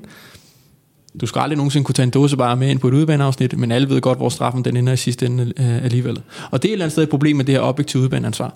Jeg er med på, øh, at Brøndby som klub, eller København som klub, ikke bare kan vende blinde øje til sine fans, der med på udebane. Men der er et eller andet sted et problem og ting, øh, med ting over, at noget du ikke har noget som helst at skulle have sagt overfor. Øh, nu har jeg selv stået og kæmpet med, med diverse kontrollører og så videre, hvor man kan stå og sige, det her, I gør det ikke godt nok. Ting, der er fuldstændig ude af dine hænder. det har alligevel en konsekvens for dig, som du slet ikke kan gøre noget ved. Og det er et eller andet sted et problem med det her objektive udbaneansvar, at hjemmeholdet kan et eller andet sted gøre et elendigt arbejde, men det er alligevel der, der får straffen. Det synes jeg er, problem, det synes jeg er stærkt, stærkt problematisk, og du ser det ikke andre steder i samfundet. Altså, vi, vi to kan gå en tur, jeg kan gå over for, at du kan vente, så får du heller ikke en bøde, selvom vi var hjem til dig. Nej. Øhm, men øh, Andreas, altså, hvad, hvad tænker du om, om, om de her straffe fra, øh, fra disciplinærudvalget eller disciplinærinstansen? Altså, kan du sådan som, som fan gennemskue øh, hvad skal man sige, strafferammen og målestokken? Nej, overhovedet ikke. Altså, jeg, jeg har droppet at i den over fuldstændig, hvad, hvad, hvad, hvad hun hvad giver hvad. Det har jeg øh, mere eller mindre droppet, sådan fuldstændig, fordi jeg synes ikke, der er, nogen, der er ikke nogen linje, som giver nogen mening overhovedet i de straffe, som bliver uddelt. Øh, på den anden side også det, man, man siger med udebaneansvaring. Altså, for min mening, så, så, så, så, så synes jeg altid, det skal være den klubs fans, som, eller den klub som, som gæster, de må, de, de må også, øh, de er jo en gæst. Ikke? Altså, hvis man er gæst hos nogen, så, så, så må man også opføre sig altså, efter, som, hvad, hvad, man, man forventer, der skal blive opført. Og så hvis der er nogen, der gør noget på det, på det, på det udbaneafsnit, jamen, så, må de, så må de jo få en straf. Så må de jo få en straf. Og, og hvad det hedder, hvis jeg er en gæst hjemme hos mig, som tager nogle ting, øh, selvom han godt, selvom jeg har sagt til ham, det må du ikke, men så skal jeg da stadig også straffe ham for det. Så hvis der er en person, der kaster en dåsebajer på banen øh, for stadion, jamen så skal han også have en straf, og så må han straffes ud for de regler, der er. Også selvom, han, også selvom, han godt, også selvom resten af alle, der godt ved, at han ikke har gjort det. Fordi de alle, der må man så øh, som et fællesskab godt vide, at man kommer der som en gæst. Så kan der være nogen, der ødelægger det for andre, men så er det der, klubberne må gå ind og sige, prøv hvad, hvad kan vi gøre her for at forbedre det der? Fordi øh, jeg, jeg er helt med på, på noget smøg, øh, smøg, den smøge, der er i Odense, og generelt Odenses øh, forhold kan godt være forfærdeligt at komme ind på. Det, jeg har også selv stået i den smøge, det er simpelthen forfærdeligt nogle gange. Men, men, men nogle gange, så kan jeg også, jeg kan også godt forstå de mindre klubber, siger jeg så, øh, om, Odense, om Odense. Ikke? Men hvad det hedder, jeg kan godt forstå nogle gange, at det kan, det kan være svært for dem at håndtere. Der kommer 2.000-2.500 udebanefans, som er på et helt andet niveau, end hvad man er vant til at have. Øh, det, det kommer måske et par gange om året, men så lige pludselig skal de give sig op til det, og det kan godt være svært for dem. Og derfor så, så er de vant til, at folk opfører sig på et andet niveau, end hvad de er vant til. Det er, det, det er ikke Sønderjyske, de har på besøg lige nu, når FCK eller Brøndby besøger dem. Og derfor så skal de også sætte sig op på en anden måde, og nogle gange så giver de sig helt forkert op. Så der, skal der, der, der vil det give meget mere mening også at have, at have mere af det gæstende holds kontrol med. Det vil give mening at have mere af, hvad der hedder, have mere, at de rådført sig mere om, hvad skal vi gøre her her og her. Og så lyttede mere, så gøre det, som de, råd, som, som de bliver, hvad det hedder, um, som de bliver rådgivet til at gøre. Det vil, det vil i min mening give mere mening, i stedet for, at man skal bare lægge mere ansvar over på hjemmebaneholdet og sige, I bliver nødt til at tage ansvaret for de gæster, der kommer. I stedet for, så burde hjemmebaneholdet lytte mere til dem, som er vant til at stå for udebaneholdet. For de ved præcis godt, hvad der skal til. Hvad der skal til. De gør det hver hjemmebanekamp. Og du ser ikke FCK eller Brøndby fans, hvis der er lavet ballade, så det er meget, meget sjældent, det er, i på, det er hjemmebane, det er tit udebane, fordi det er andre forhold, end hvad folk er vant til. Men hvis du kommer til nogle forhold, hvor du godt ved, hvordan retningslinjerne er, uanset hvilket stadion du kommer på, så er der heller ikke så meget mere at diskutere. Ja, min pointe med, med, med at bringe den der dose bare op, det var jo heller ikke som sådan, at, at, at Brøndby var fuldstændig ude af ansvar, for jeg, jeg er med på, når man er gæst, så skal man opføre sig ordentligt. Det er almindelig opdragelse. Øh, så, men jeg vil måske stadig forholde mig til at sige, at men, men, men hvis der nu er så tydelig en mangelfuld visitation, øh, og det ved jeg positivt, at Brøndby's kontrollør i søndags øh, bad om at få flere ned til at lave den her visitation, og der så stadig lykkes med at tage noget så stort som en dåsebajer med ind, så er det måske lidt underligt, at når Brøndby påpeger et problem, der er en dårlig visitation, og det så går galt, at straffen så kun går i retning af Brøndby. Jeg er med på, at man er gæst. Jeg, jeg siger ikke, at Brøndby skal være fuldstændig straffri. Det er på ingen måde det, jeg siger. Jeg siger bare, at det er lidt konsekvensfrit, at hjemmeholdet kan lave så dårlig en visitation. Og det er ikke kun i Odense, det er bare et eksempel, fordi vi var der i søndags. Øh, kan lave så dårlig en, en visitation, og så står Brøndby der, vi påpeger problemet, vi kan ikke gøre mere. Værsgo, her en straf alligevel på 20, 25, 30, 35. Og derfor mener jeg så også, det vil give mening, så øh Odense så tager Brøndby eller FCK, hvis de gæster, mere med på råds, og måske også beder om hjælp, øh, decideret altså mandskabshjælp, til at sige, prøv at høre, øh, hvor Odense kommer, sådan, ligger sig fladt ned og siger, prøv at høre, I kommer så og så mange, hvad, hvad forventer I, at der skal være for, at vi kan, vi kan gøre det? Og så kan Odense og så den respektive klub, der nu gæster, sætte sig sammen og så, og så tale om, hvad, okay, hvis, hvis I kommer så mange, så bliver I nødt til at stille et vist antal vagter, og der er otte vagter ikke nok. Altså, så I bliver nødt til at komme 20 vagter, og I bliver nødt til at stå for noget visitation. Altså, nu har vi et, et away-court-system, hvor jeg ved, at de, øh, de står allerede ved indgang og scanner os alle sammen, ikke? Så, allerede, så det kan sagtens lade sig gøre for mere mandskab med, med, på, med på tur. Jeg er 100 på, at hvis, hvis man ringer til Odense og siger, prøv at, kan vi, kan vi sende 20 vagter? Så vil de sige, ja, det kan I godt. Men det er jer, der betaler lønnen. Ja, det ved vi godt. Men nu kommer der, øh, nu kommer der også 2400 personer. Og så... Jeg, jeg tror seriøst, at de bliver nødt til at lytte til hinanden noget mere, fordi det, det, det, det 9 ud af 10 gange, så er det, så er det, så er det folk, som, som forventer, at tingene er på en måde, og så sker det på en anden måde, og så er det der, forvirringen sker. I stedet for, hvis du, hvis du kommer til et sted, hvor det, hvor, det, hvor, hvor det er indrettet efter, hvordan personer, som er fra din klub, ved, hvordan det skal være, men så er der mindre forvirring om det. Så kan, klubben også, så kan klubberne også med det samme gå ud og sige, prøv at før I gæster det her det her afsnit, så vil det foregå sådan her. Foregår det ikke der, så har vi et problem. Så kan, det, så kan vi begynde at virkelig at tale om det. Men hvis, hvis, der ikke kommer, hvis du har klare retningslinjer om, prøv at høre, I skal være der der og der, der kommer til at være så mange, der kontrollerer jer, der kommer til at være så mange porte, der er åbne, så vil der komme klare retningslinjer, og så vil man også kunne, kunne nemmere øh, finde ud af, hvor problemerne ligger hen. I stedet for, at i dag skal vi i Odense, så vil det være det og det problem. I dag skal vi i Sønderjyske, så er der et nyt problem, vi skal takle. Og så vil det være, at man skal regne ud fra, fra, fra hver eneste sted, man gæster som udebanefans, hvordan det vil være at komme ind. Fordi det er forskelligt fra sted til sted. Så hvis de, bare, hvis de ikke bare siger så, det er sikkert en stor opgave, men hvis de taler sammen om, om de giver nogle klare retningslinjer for, øh, hvis Brøndby ringer og siger, prøv at vi kommer 2400 til Aarhus, eller også kommer vi mere, eller også kommer vi mindre, vi forventer, at der, der er brug for så mange vagter. Vi forventer, at der er brug for, øh, der kommer et pres på indgangen på det her, det her tidspunkt, fordi vi har en march, der rammer cirka det her. Det plejer man godt at kunne kalkulere med, ved at snakke med, med SLO'er eller andre om, hvornår øh, marchen rammer, eller hvornår busserne rammer. Derfor, så skal, derfor skal, skal I være forberedt på, at her, her kommer der tryk på. Og der er en masse ting, der kan løses ved ganske simple midler, bare ved en e-mail, mand. Ja, jeg, jeg er på ingen måde enig. Nu, nu har jeg så også siddet på den anden side, og jeg tror, man skal være opmærksom på, at, at rigtig mange sikkerhedschefer er, er forholdsvis ærekære. Jamen, jeg er helt, jeg er helt, jeg er helt med på den der. Jeg øh, og derudover så tror jeg også, at de forskellige administrerende direktører, de vil nok skændes lidt, hvem der skulle betale for, hvis der lige kom, øh, kom 20 ekstra brømmekonsulører. Men jeg er på ingen måde uenig, og, øh, og det er måske nok også det, der er den bedste succes i... Øh, i, i hvordan vi afvikler vores derby. Øh, når vi er i parken, så er det Brøndby ja, der primært står for det. Øh, det er stadig parken, der betaler øh, konsuløren, så vidt jeg forstår. Og, og når FCK kommer til, til Brøndby Stadion, så er det, så er det FCK-konsulør, der står for afsnittet. Øh, på den måde så ved man, øh, både fordi der er det her ekstra spændingsniveau, så at sige, øh, så ved man, hvad man kan forvente. Så allerede der afmonterer man det, øh, ved at man også bliver mødt med, med sine egne vagter, og dem man kender, og ja, det er de, det er de samme 20-30 vagter, der står bag D-tribunen, som, som jeg ser ved sydsiden engang. Øh, så der kan man gøre det, men det er måske også fordi, jeg ved sgu ikke, om man skal sige, om det er klubberne, der er blevet presset til det, fordi der er så stor fokus på, på, på darbet herover, men, men det er måske også fordi sikkerhedsafdelingerne i, i parken og, og i Brøndby, de, de taler så godt sammen. Uh, de render jo alle sammen rundt og, og leger vagter i Royal Arena og til andre arrangementer, så det er de samme mennesker alligevel. Det kan måske godt være derfor. Uh, det skal jeg ikke kunne sige. Uh, men det er da klart, det ville være en fordel, hvis, hvis de kunne få økonomien til at passe, og sikkerhedsafdelingen rundt omkring, de, øh, de var lidt mere åbensindede.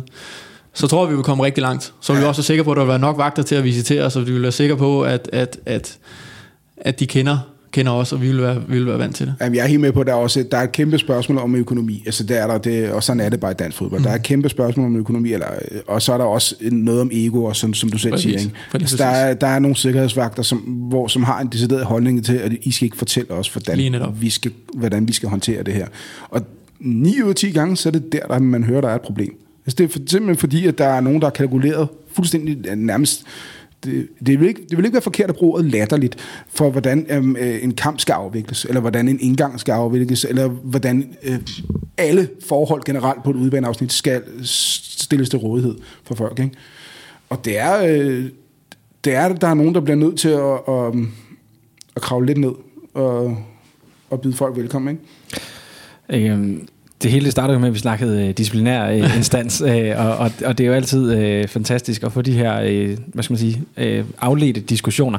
Øh, men jeg vil bare lige henlede opmærksomheden på en øh, artikel, som var i Ekstrabladet tidligere på ugen, hvor øh, DBU's formand Jesper Møller, han øh, udtaler det her med, at han ikke regner med, at der kommer til at være nogle ændringer på hverken sammensætning eller arbejdsgangene i disciplinærinstansen. Det ligger selvfølgelig ikke fast endnu. Der er en arbejdsgruppe, som er i gang med et arbejde.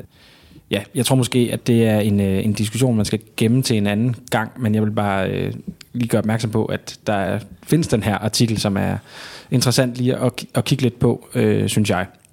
Om lidt så skal vi tale om det her med øh, spilletidspunkter, middagsdarby, hvis man kan kalde det det, øh, og det gør vi lige efter en hilsen fra vores partner, Arbejdernes Landsbank.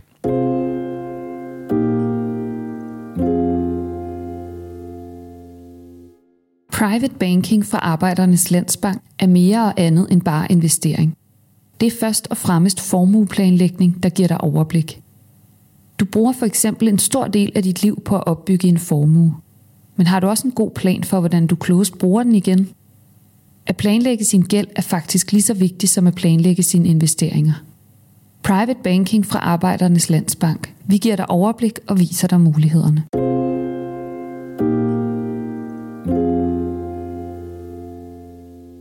En af de konsekvenser, der har været ved den ballade, der har været i forbindelse med, at FCK og Brøndby har mødt hinanden, det er, at kampene i nogle tilfælde er blevet rykket, så de skulle spilles i dagslys. Øh, det bliver så nogle gange også til, til allerede søndag kl. 12. Nu går jeg bare ud fra, at de begge to godt kunne tænke, at de kampe blev spillet lidt senere på dagen. Øh, og det er de jo så også blevet flere gange. Det er jo ikke sådan, at, at derbyerne bare er blevet spillet kl. 12 de sidste 10 år eller sådan noget. Men Lasse, hvorfor er det, at I gerne ser, at de bliver spillet lidt senere? Ja, men jeg ved sgu ikke lige om, om jeg nødvendigvis ved, at de skal spilles meget senere, men jeg tror, jeg tror mere, det er den her måde, hvorpå man, man fra, fra forskellige sider, ikke kun politiet, men generelt angriber de her kampe. Øh, jeg mener lidt, det er en forlidt erklæring, at man ikke kan spille en kamp efter, efter det er blevet mørkt. Det synes jeg er... Altså, de har landets, hvis nok, to største politikredse. Hvis de ikke kan afvikle en fodboldkamp... Altså, jeg, jeg, jeg kan huske, jeg snakkede med en... Øh, nu skal vi ikke nævne nogen navn, men en højstående betjent i Københavns politi, hvor jeg sådan lidt kæk sagde, jamen hvad nu hvis FCK havde mødt Malmø? Uh, der var jo den der, hvor øh, man havde trukket vinderen af Malmø og et, ja, det ved du, næsten et makedonsk hold. Var det det, der var? Jeg kan sgu ikke huske Nå, men det var, i hvert fald, det var i hvert fald tæt på, hvor jeg sagde til ham. Ja, det var meget tæt på, vi, vi, vi, vi ramte Malmø. Ja, og, og, og historikken der, det ville nok også være, i hvert fald om ikke andet for Malmøs fans over for Københavns politi, vil være oppe i det samme risikoniveau. Plus minus. Uh, jeg vil gerne se ansigtsudtrykket fra UEFA-repræsentanterne, hvis den øverste ansvarlige for Københavns politi sagde til ham, jamen bror, vi bliver nødt til at spille den her kamp en, en torsdag klokken, klokken, klokken 3 om eftermiddagen, øh, fordi vi kan ikke afvikle øh, kamp om aftenen. Jeg tror ham UEFA-manden, han vil have rigtig, rigtig svært ved at tage den mand seriøst, når man tænker på, hvilke andre kampe de afvikler rundt omkring i Europa. Jeg er med på, at der har været nogle episoder til de her kampe, der er fuldstændig uacceptabel, men jeg mener, det er en kæmpe forlidt erklæring at vi ikke kan spille en kamp kl. 6. At jeg så generelt har en holdning om, at kampe kl. kl. kl. 3 om eftermiddagen, det er, det er super, super fedt, og det er da også rigtig fint, at, at jeg kan komme tidligt hjem efter en kamp. Det er helt, helt, helt fint. Men det er mere det med, at man lægger den her dyne ned over de her kampe, som for mig er de største kampe i dansk fodbold. Øhm, at vi simpelthen ikke kan, kan, kan håndtere de kampe på et bedre niveau. Så må de skulle hellere sige, jamen, hvad skal der til, før vi kan afvikle en kamp kl. 6 øh, i parken eller på Brøndby Stadion. Øh, det synes jeg stadig, man savner svar på. Um, det er det samme, øh, uden, uden samling i øvrigt, men, men det er lidt det samme, nu har jeg været med i nogle forskellige udvalg i kraft af mit gamle arbejde, hvor en af de øverste øh, politikommissærer øh, for Yorkshire politi, han siger det er sted meget godt, inden vi peger fingre af alle mulige andre, så skal vi nok lige selv finde ud af, om det vi gør, det er godt nok. Øh, det var i relation til det her med, om, øh, om klubberne skal betale for, for afviklingen af fodboldkampe i forhold til antal betjente, hvor han siger helt åben, inden vi gør noget som helst andet, skal vi finde ud af, om vi kan gøre de her ting bedre. Og der savner jeg en reel diskussion. Hvad skal der til, før vi afvikler en, øh, en kamp kl. 18 øh, i parken eller på Borgmestad. Den diskussion savner Så kan man altid resignere og sige, det kan vi simpelthen ikke håndtere. Vi har øh, 2.500 udbanefans, der er fuldstændig, øh, fuldstændig forskruet. Det er fuldstændig umuligt. Men hvis man er sådan et sted, hvor en fan skal man så nogensinde afvikle kampen, Øh, men noget af det, jeg tænker på i forhold til, når de så øh, ikke er blevet afviklet klokken 12 eksempelvis, eller også sådan set, når de er blevet det, men altså, i, jeg tænker, i begge lejre, så ved man godt, at en af konsekvenserne, når der er ballade, det er, at de, altså, man spiller politiet nogle kort på hånden i forhold til den her diskussion, som er øh, rigtig gode. Altså, nogle, nogle gode kort spiller man dem på hånden, øh, når der er ballade. Hmm. Øh, er der en eller anden form for sådan... Øh, Altså, det, man kan jo udbrede budskaber øh, om, at øh, på søndag, der øh, er der en bestemt tifo, derfor skal I gøre sådan og sådan, eller der er nogle nye sange, der bliver introduceret, eller hvad det nu måtte være. Der er også noget i forhold til at sige, sørg nu for, at der ikke kommer til at ske noget. Vi vil så gerne øh, have nogle bedre forhold, og vi vil så gerne kunne komme til de her kampe. Øh, så lad nu være med at, ja, jeg ved ikke, om man kan kalde det lave unødig ballade, men altså, øh, det er alles interesse, at vi øh, kan komme igen næste gang, og at vi ikke skal spille kl. 12 øh, for altid. Det tror, jeg, det tror jeg, der er hver gang. Oh, undskyld. Ja, ja, ja, det var bare, det, altså jeg tror ikke, det er, jeg tror, nu tillader mig også lige at tale lidt på Andreas, og der er ikke nogen af os, der sidder her og siger, at det er i orden, de her episoder, der er sket. Jeg tror ikke, at der generelt er en interesse i og, og ikke prøve at håndtere de her problemer. Som Andreas også sagde før, og som jeg også tidligere har nævnt, det er jo, at mange af de store episoder, de sker nærmest i effekt Ja, ja, og uplanlagt. Mm. Uh, så der er jo ikke nogen, der, der, der ligesom synes, det er fedt, at der er, er ballade. Og hvis det er, så er det et meget, meget lille mindretal. Så jeg tror, hvis man valgte øh, konstruktivt at gå til værks i forhold til, hvordan, hvordan sikrer vi, at vi kan afvikle en kamp kong 18, for at sige det lige ud, øh, så tror jeg, man vil opleve en enorm velvillighed. Øh, vi har tidligere forsøgt det. Øh, man kan så vide, diskutere, om det var at gennemarbejde nok, øh, og om, om, om man rykkede for hurtigt på de forskellige ting. Men, men altså jeg vil bare sige, det er jo ikke fordi, der har været mindre ballade til de her kampe, efter de her rykke. Så kan det godt være, at man kan snakke nemmere i forhold til opklaring bagefter, øh, fordi det er dagslys og, og alle de her ting. Men, der, men, men man bliver nødt til at prøve at involvere de her fans, fordi de har også en interesse i, at, at, at, at det, at jeg går til, til fodbold en, en søndag ind i parken, så bliver jeg ikke automatisk kigget på som en, der godt kan lide at lave ballade. Fordi det synes jeg ikke er fedt. Øh, Jeg kommer for fodbold og, og, og fortælle øh, røverhistorier og løgnhistorier til mine venner. Ikke? Øh, Men, men, men den vinkel har man ikke taget. Man har taget en nem løsning, en hurtig løsning, som virker rigtig, rigtig godt, fordi man kan signalere handlekraft. Men man har ikke løst øh, det, det bagvedliggende problem, øh, som, der, som der er øh, fra tid til anden i de her kampe. Jamen, jeg er meget enig. Det, altså, præcis som Lasse også siger, altså, jeg, tror, jeg tror ikke, der på noget tidspunkt der er nogen, der siger, nu tager vi til Derby for at ødelægge det for os selv. Det, det, det, det er alligevel en plan, jeg, jeg, jeg til dato endnu ikke har hørt, og jeg tror ikke, den bliver for særlig mange stemmer. Øh, generelt hos øh, nogle FCK-fans overhovedet, hvis du fremførte et, et, et, et, et forslag, der sagde, skal vi ødelægge dagen for os selv? Øh, så, så det er netop det, det, når der er ballade, så er det jo netop noget, der sker. Men er der en ekstra opmærksomhed i forhold til det der med at sige, det er bare, øh, vi ved også godt, at øh, der står folk klar, øh, der, der er lidt flere øh, journalister på arbejde med et kamera i dag. Nej, øh, det tror jeg ikke, der. Øh, Især ikke i et derby. Altså, hvorfor, hvorfor, skulle man lægge, hvorfor skulle man lægge bånd på sig selv, fordi man møder Brøndby? Det, det kan jeg ikke rigtig helt forstå. Øh, jeg, jeg, jeg vil have lov til at være mig selv, som jeg er øh, til hver anden dag, når jeg ender til FCK, og det, sådan tror jeg og håber, at de fleste FCK-fans har det. Og Brøndby-fans også, for den sags skyld. Hvorfor, hvorfor, skal, hvorfor skal jeg behandle, hvorfor skal jeg opføre mig anderledes, fordi jeg møder en bestemt klub? Jeg vil have lov til at opføre mig sådan, som jeg gør. Bare så længe jeg, og jeg ikke bryder nogen regler eller love, og gør jeg det, så er der en konsekvens, basemand. Altså, så, sådan er det. Altså, opfør opfører dig, og, og hvis du ikke opfører dig ordentligt, så, så er der en konsekvens for, hvordan du opfører dig for. Ikke? Og, og jeg tror ikke rigtig, folk tænker over, at nu skal vi være anderledes, fordi øh, jeg, jeg går da ikke ud fra, at folk øh, opfører sig decideret anderledes. Der er selvfølgelig en flokmentalitet, som der sker til fodbold, med, når folk rammer. Men jeg går ikke ud fra, at folk er, er, er anderledes generelt øh, som personlighed øh, på stadion eller uden for stadion. Jeg er i hvert fald ikke, og øh, de, det, det, de fleste af dem, jeg går til fodbold med, det tror jeg sgu heller ikke, de er. Altså, man er, som man er. Øhm, jeg tænker, at det, jeg husker, at der også har været nogle koordinerede kampagner imod det her tidlige øh, spilletidspunkt. Øhm, og det ligger så godt nok nogle år tilbage. Øhm, men Andreas, hvordan er det blevet sådan foranstaltet? Øh, fordi det er, jo, det er jo der, hvor man så som to modstridende parter alligevel har en, et, et fælles mål, som man, som man arbejder for. Hvad, og du mener, hvordan vi er, vi er kommet frem til forskellige løsninger mm. mod, hvad der hedder, ja, altså, nu har der har jo ikke rigtig været så decideret mange sådan FCK Brøndby øh, øh, samarbejdsagtige. De er alle sammen ind i fisk, ikke?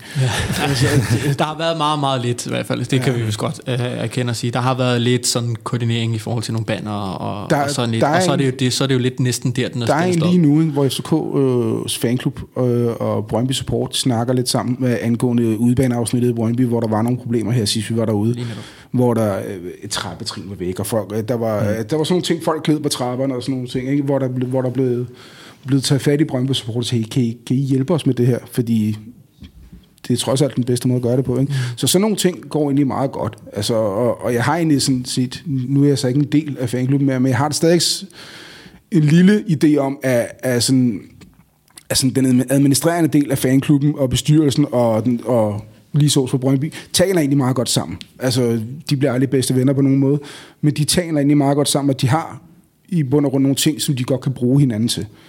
Og, og så på det punkt, så, så, så kan man sagtens drage nytte af hinanden, ikke? Men udad til øh, deciderede kampagner og sådan noget, det vil 9 ud af 10 gange, så vil det ind i hat og briller. Altså, og det ved det bare. Ja, det, bliver, jo- det, det strander efterhånden ved bare med en orientering om, at vi har noget, når I har også noget fint nok, og så, Ja, præcis. Og så, og så fred være med det, ikke? Ja. Men der har jo også, altså fordi nogle gange så har de der banner gået meget på, øh, eller det gør de jo for det meste, altså klubberne imellem, øh, og stikke til hinanden. Øh, men jeg mindes bare, at der også har været sådan øh, kampe, hvor så har der været tifo i den ene ende omkring øh, det her med, med det tidlige spilletidspunkt, og banner i den anden ende, øh, og så videre, hvor jeg tænker, at mm, og det her, det, det, det er noget, som det er, der foregår op i mit hoved, men jeg tænker, man kan godt være lidt træt, hvis man har med- arrangeret en... Ja, men, men det var jo ikke, det var ikke mere koordineret end som så. Altså vi havde, eller det skal jeg jo ikke sige, jeg var ansat af klubben jo, uh, men, men Brøndby's fans havde en, en, en, kan man sige, en lidt mere humoristisk tilgang til det til den kamp, hvor Ja. med, med en betjent, der lå under dynen, uh, hvor mod FCK havde en lidt mere og som også skabte lidt mere opmærksomhed, en lidt mere hård og kontant uh, budskabsform. Skal vi ikke bare diplomatisk sige det sådan i det her forum? Uh, det var jo tydeligvis Men ikke er koordineret, for så har, man, så har man valgt måske at koordinere budskaber og... og Ja, det var, og- det, var- det, det, der var ikke blevet talt om på nogen måde, at I gør sådan, vi gør sådan. Overhovedet ikke. Men det var, det var så en af de punkter, hvor man kan så sige, der var vi sådan set relativt enige om, hvad, hvad der skulle frem i lyset her. Ikke?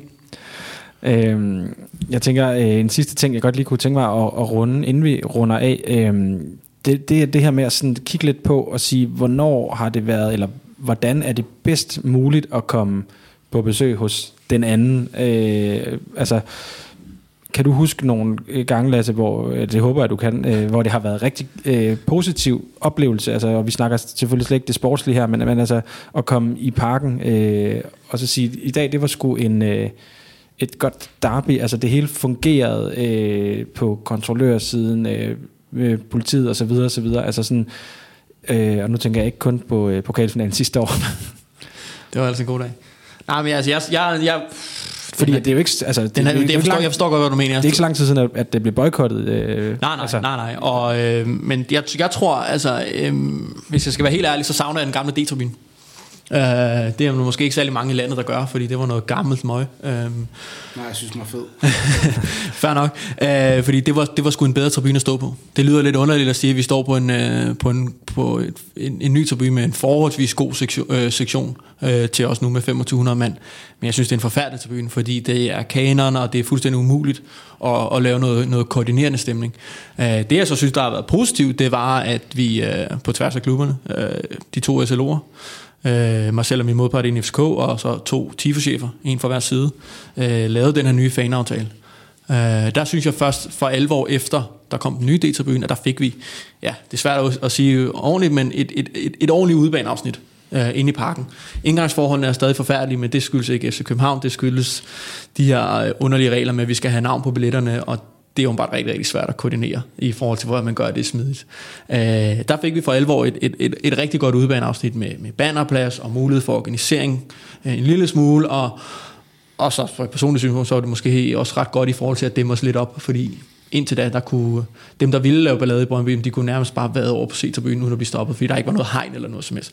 Så det var, det var en rigtig, rigtig positiv bevægelse, øh, og det synes jeg egentlig sted er, er, er meget godt, øh, fordi der, der oplevede vi der en, en, en kraftig forbedring. Jeg vil så ønske, at der ikke var et... Øh, en, øh, en silo lige bag, eller hvad fanden det hedder, øh, øh, kontor, så vi kunne måske få et lidt mere kompakt afsnit, som var nemmere at koordinere. Det ved jeg, øh, kaberen de hader i Brøndby. Øh, men det er jo nu engang vilkårene. Man er stadig gæst, man kan ikke bestemme alt på et afsnit. Øh, så det bliver nok aldrig nogensinde vores yndlingsafsnit. Øh, det må jeg nok erkende. Der er nogle, der er nogle gode nogle andre steder. Hvad er det så? Så yndlingsagt, bare lige for at... Personligt, det vil nok være Viborgs.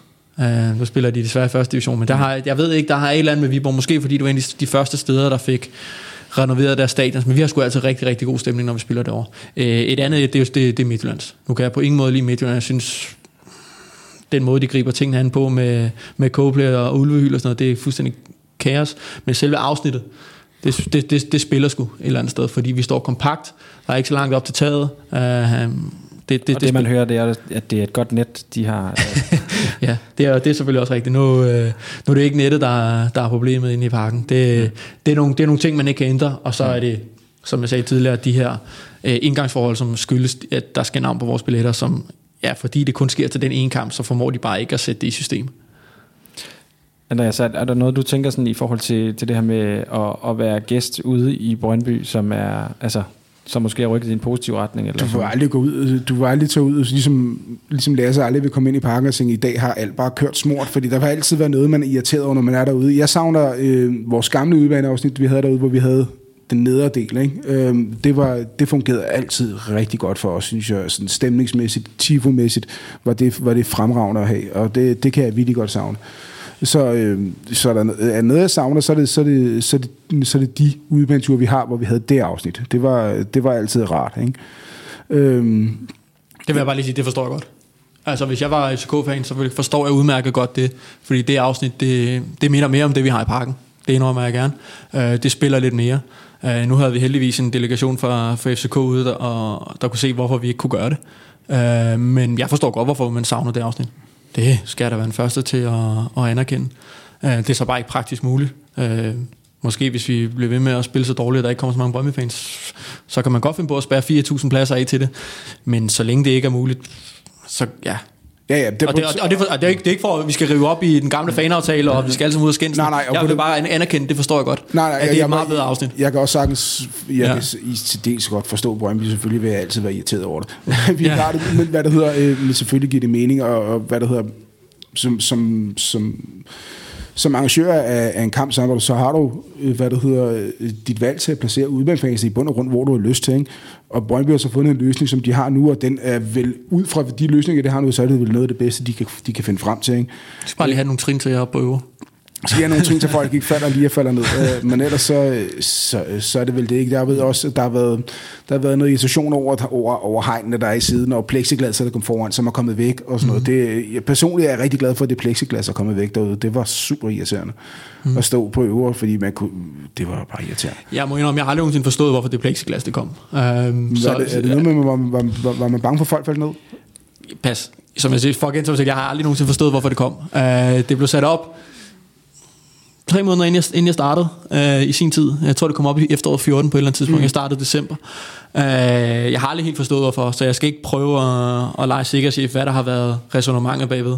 Men det var relativt nemt at overtale folk til at fjerne det. Skal vi ikke bare sige det sådan? Ja, men det var så også ikke- Det, det lugter lidt af, at det har været nogen, der har ment, det var en god idé, men i praksis har det ikke haft en god idé alligevel, og tværtimod har det bare været et irritationsmoment for, for FCK-fans. Ja, ja, og det var så til gengæld også et godt eksempel på, hvordan altså, god dialog fik fjernet sådan nogle ting hurtigt. Ikke? Altså, Ja, vi skulle, vi skulle lave nogle andre ting med vores afsnit, og der var nogle ting, vi ikke kunne nå til den første øh, kamp efter aftalen, men, men, men plexiglas var relativt nemt at få fjernet. Mm. Øh, for der skulle bare sættes noget andet øh, gelænder op foran, øh, som, som svarer til resten af stadion. Mm. Det blev øh, den sidste ting, vi kom omkring i den her udsendelse, men jeg vil gerne lige øh, give jer muligheden for at, at komme af med et sidste budskab, hvis der er noget, I, I føler, I brænder ind med, fordi øh, det er sådan en øh, irriterende fornemmelse at gå herfra, så tænkte jeg, jeg skulle have sagt noget om det og det. Øh, så den mulighed kan I, øh, kan I få. Jamen, jeg tror gerne, jeg vil, vil ride min egen kæphest endnu en gang øh, i forhold til det, når vi har de her episoder. Nu var hele udgangspunktet i vores Horsens episode, mm. øh, som gør, at vi ikke kommer øh, næste uge. Øh, at man fra central hold lige får, får sadlet om og rent faktisk prøver at undersøge, hvad det er, der går galt med de her ting. For jeg tror, langt, langt størstedelen af, af fodbold Danmark og også fodboldfans har en interesse i, at de her kampe de bliver afviklet bedre. Øh, og selvom meget af det sker i effekt, og hvis Brøndby smider et mesterskab i 95 minutter igen, så vil jeg nok aldrig nogensinde kunne garantere, at der ikke er nogen, der, der går over stregen. Øh, men man kan altid blive bedre, og jeg synes, man, man forspilder en chance, når der er de her episoder, til at, til at undersøge, hvor gik det galt, og hvad kunne vi have gjort bedre. Ja, Lasse siger det egentlig sådan meget rigtigt. Det er, hvad det hedder. Og så også huske på, at, at hvad det hedder, øhm, af de episoder, som lige meget hvor sensationsagtige folk tit vil gøre dem, så er de, altså, de er ikke planlagt. Altså, når der sker noget. Det er noget, der sker ud fra, udefra kommende ting. Altså, det, det er virkelig, virkelig sjældent, at der er nogen, nogen, der går ind og planlægger at skulle lave noget ballade. Der er altid en ting udefra, der er med skyld i det. At det så ikke undskylder det, det er så hvad en anden side af sagen er, men det, hvor meget pressen og andre folk gerne vil have, at, øh, at der er nogen, der kommer og siger, i dag går vi ind bare for at lave blade. Det, det, det nægter jeg at tro på, at der er nogen, der gør. Det blev øh, det sidste ord for den her udgave af Mediano Fan. Tak til mine to gæster, der tog sig tid til at være med. Tak til dig, Andreas Jensen. Mange tak. Og også tak til dig, Lasse Bauer. Selvfølgelig. Jeg takker ligeledes vores hovedpartner Arbejdernes Landsbank, der har gjort det muligt for os at genoptage vores fanfokus. Det er vi enormt glade for. Den allerstørste tak sender jeg til dig, der har lyttet med. Det er dig, vi er her for. Skriv gerne med ris, ros og input til fansnablag.mediano.nu. Det er guld værd for os, når I melder ind. Mit navn er Sture Sandø. Tak fordi du lyttede med.